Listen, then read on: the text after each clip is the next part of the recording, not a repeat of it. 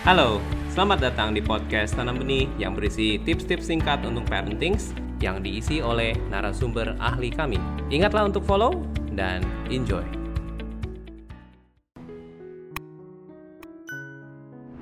Memperlakukan batas usia untuk punya gadget sendiri.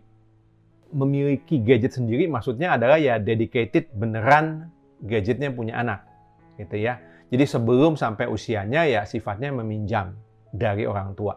Ini saya pikir TBF Parent sudah banyak yang menerapkan ini, betul kan ya? Yang saya hendak tekankan adalah kalau anak sudah dianggap saatnya memiliki gadget sendiri dan kita kasih gadgetnya, perlu disertai dengan penjelasan mengenai tanggung jawab.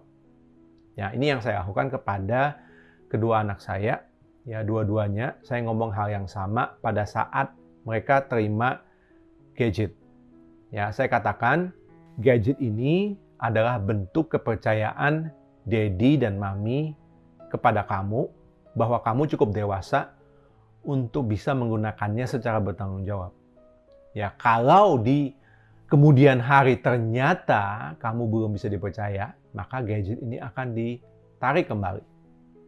Ya, karena prinsipnya kamu hanya bisa menikmati apa yang kamu pertanggungjawabkan.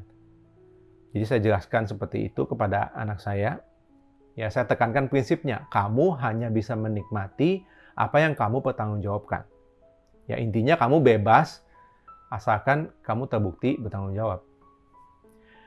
Well, long story short, ya anak saya yang pertama sebenarnya miss, ya, dan HP-nya sempat kami tarik kembali dan kami pegang selama setahun. Setahun kemudian baru dia dapat lagi HP-nya. Dan saya ulangi lagi kata-katanya itu.